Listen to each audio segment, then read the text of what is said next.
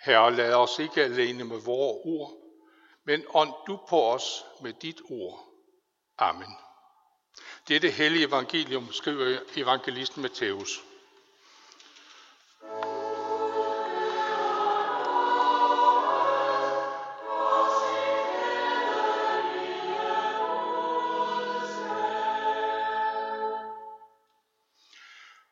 Jesus sagde, hver som kendes ved mig over for menneskene, vil jeg også kendes ved over for min far, som er i himlene.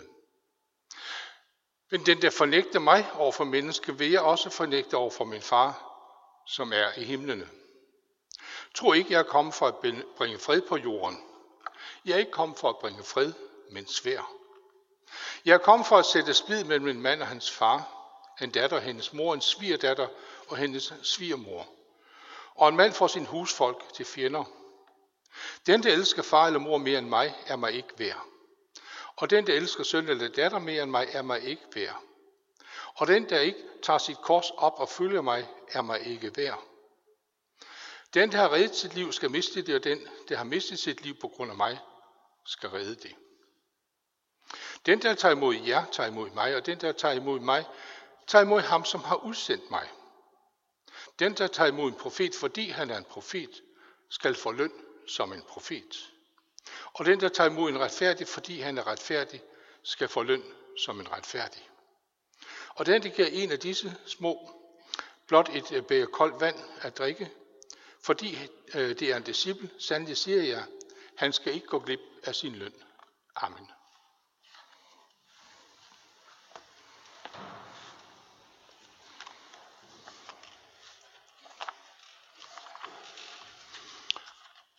I julens budskab, som vi har hørt den i forskellige variationer de seneste dage, der tales der vældig meget om fred og om glæde. Sådan som englen forkynder for hyrderne, da den tolker budskabet, frygt ikke se, jeg forkynder jer en stor glæde. Eller som englen slutter, ud ved hyrderne på marken og siger, jeg være Gud det højeste og på jorden fred til mennesker med Guds velbehag. Og i salmerne, som vi synger i denne tid i kirken, i vores hjem og måske andre steder, der er fred og glæde også fremherskende temaer. Fred på jord. Frid på jord, Jesus barnet blandt os bor og mange andre steder.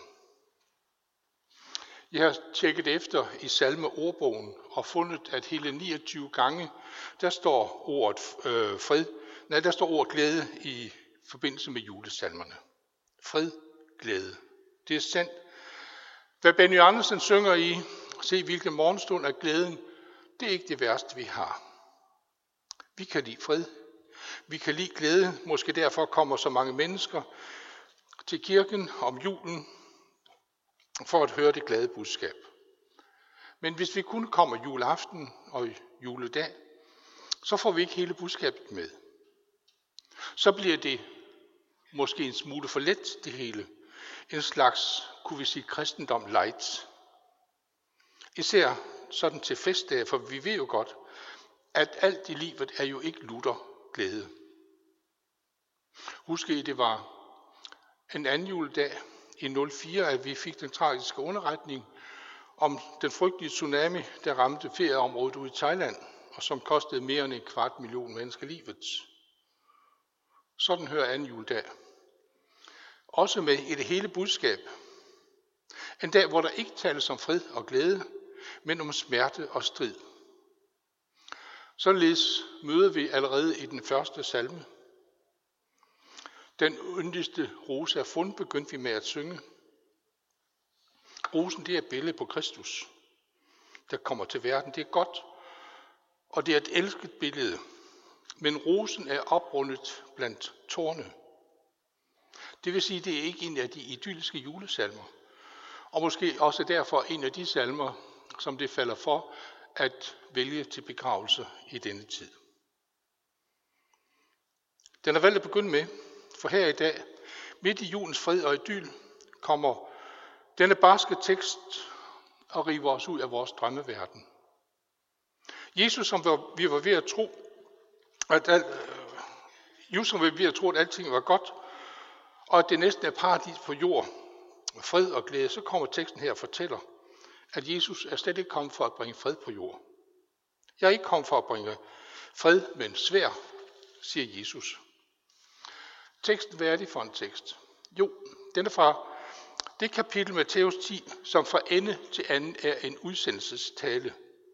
Jesu udsendelsestale til de 12 disciple. Og tanken med at vælge den tekst til i dag, det er ganske givet det, at det evangelium, som kom til jord julenat med Jesus, da han blev født under englesang, det evangelium sendes nu ud i verden. Udsendelsestale.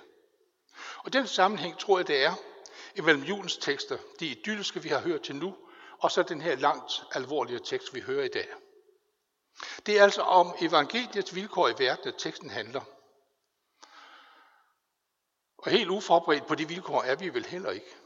For hvis vi var i kirkegård og lyttede efter, så hørte vi godt nok, at Kristus er lyset, der kom til verden. Men han er lyset. Han er ikke lyset, der oplyser verden, så det ikke er mørke tilbage. Han er lyset, der skinner i mørket.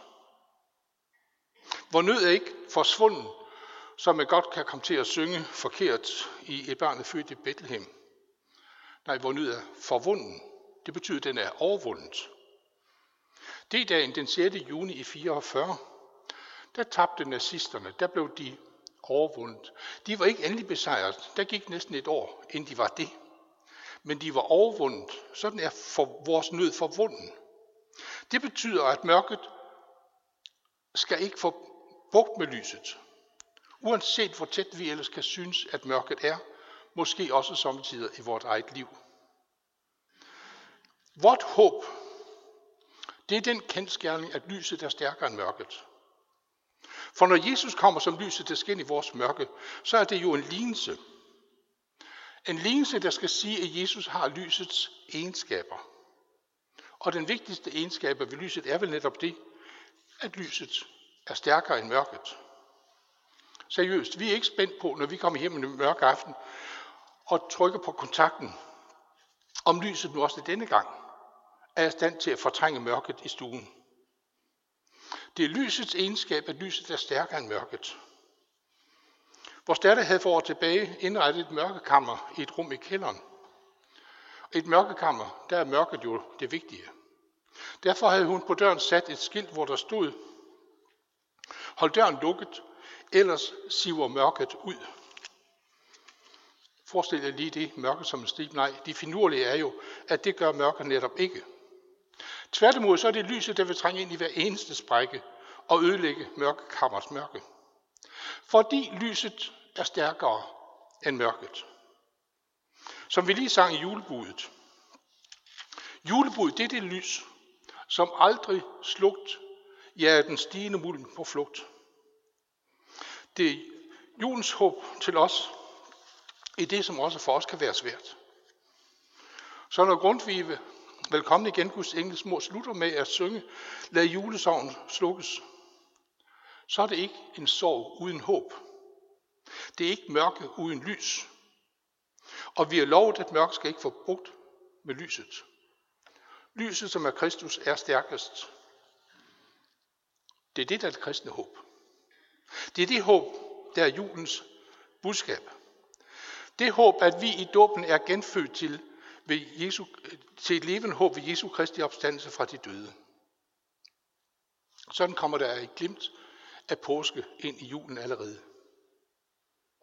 Mørket skal ikke få bugt med lyset, men mørket vil fortsat være i verden og vil forsøge at få bugt med lyset. For Jesus taler ikke, ikke om en ideal situation, en drømmeverden, men han taler om evangeliets virkelige vilkår, sådan som vi også godt kender det.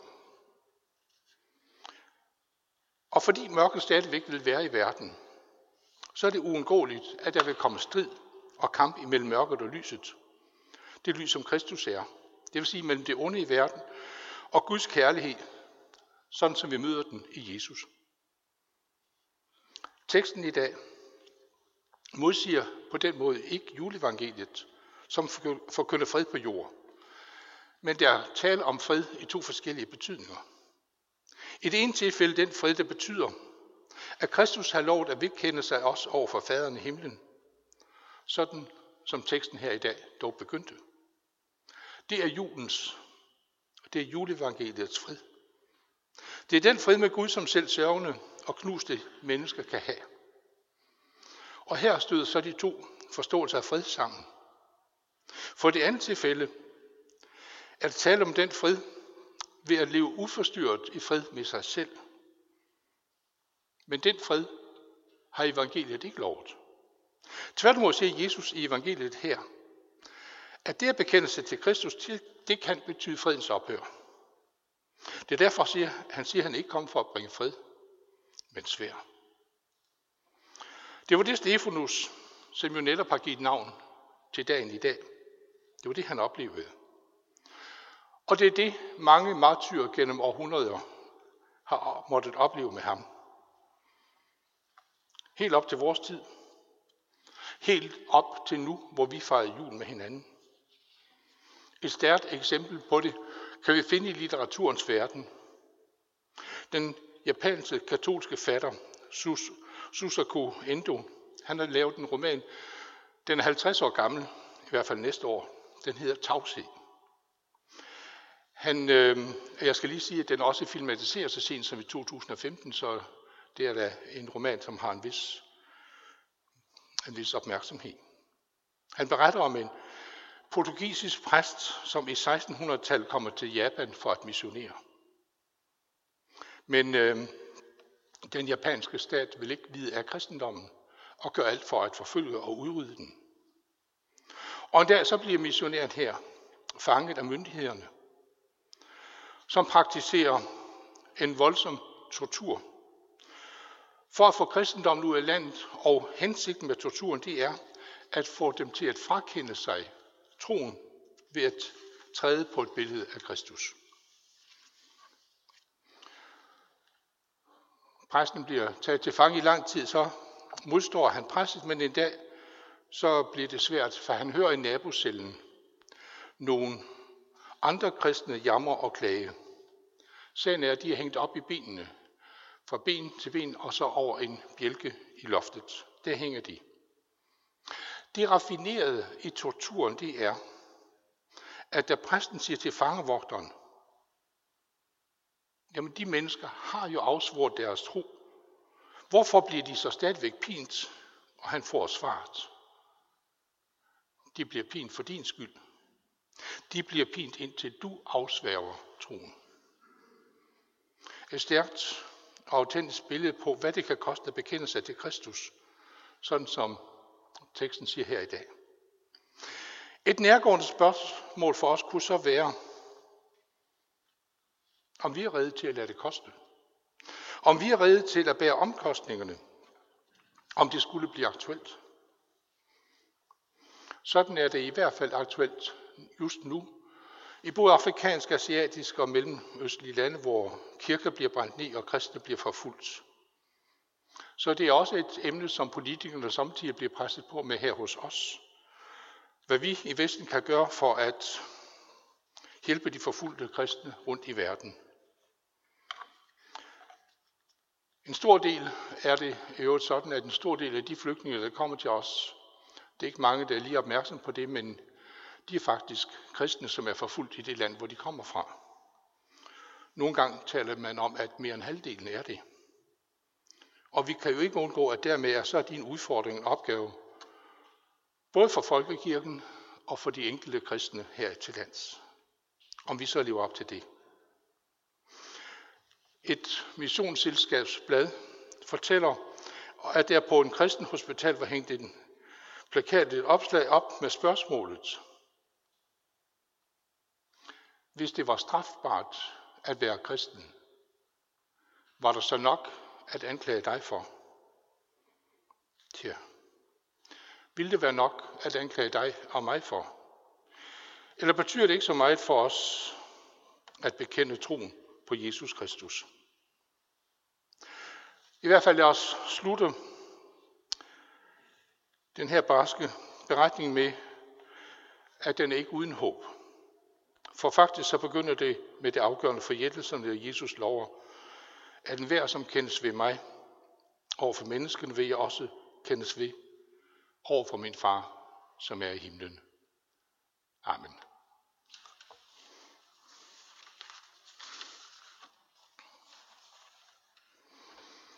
Lov og tak og evig ære være dig, Gud, Fader, Søn og Helligånd. Du som var, er og bliver en sand treenig Gud, højlov fra første begyndelse nu og i al evighed. Herre almægtig Gud, vi takker dig for det liv, du giver os. Tak for al den kærlighed og glæde, du skænker os gennem andre mennesker. Alt det, som gør vores liv så godt og rigt. Tak for julens budskab, at du kommer til os. I ordet vi hører salmerne, vi synger. Tak fordi du altid kommer med håb og fred i mørket omkring os og i mørket i os. Ja, fordi du kommer med nyt liv og nyt håb til enhver, som tror. Her vi beder for din kirke, jorden over, lad den bære dit lys ud i verden, så ensomme for fællesskab, så bange for tryghed og modløse for nyt håb. Vi beder for freden i verden, hvor den er truet, og mennesker lever i frygt. Vi beder for de millioner børn og voksne, der spiller over deres liv i flygtningelejre. Vi beder for de utallige, der bliver forfulgt, måske dræbt for deres tros skyld. Hold din beskærmende hånd over vort folk og fædreland, og bevar vort, vor dronning og hendes familie. Lad øvrigheden her og alle vegne tjene dig ved at skabe orden og gode kår for alle mennesker. Her følg os til vores sidste time, også ind igennem døden engang. Lad dit ansigt lyse over alle vores døde. Giv os en glædelig opstandelse til evigt at være hos dig, og lad ingen af vores savnes der. Det beder vi alle i Jesu navn. Amen.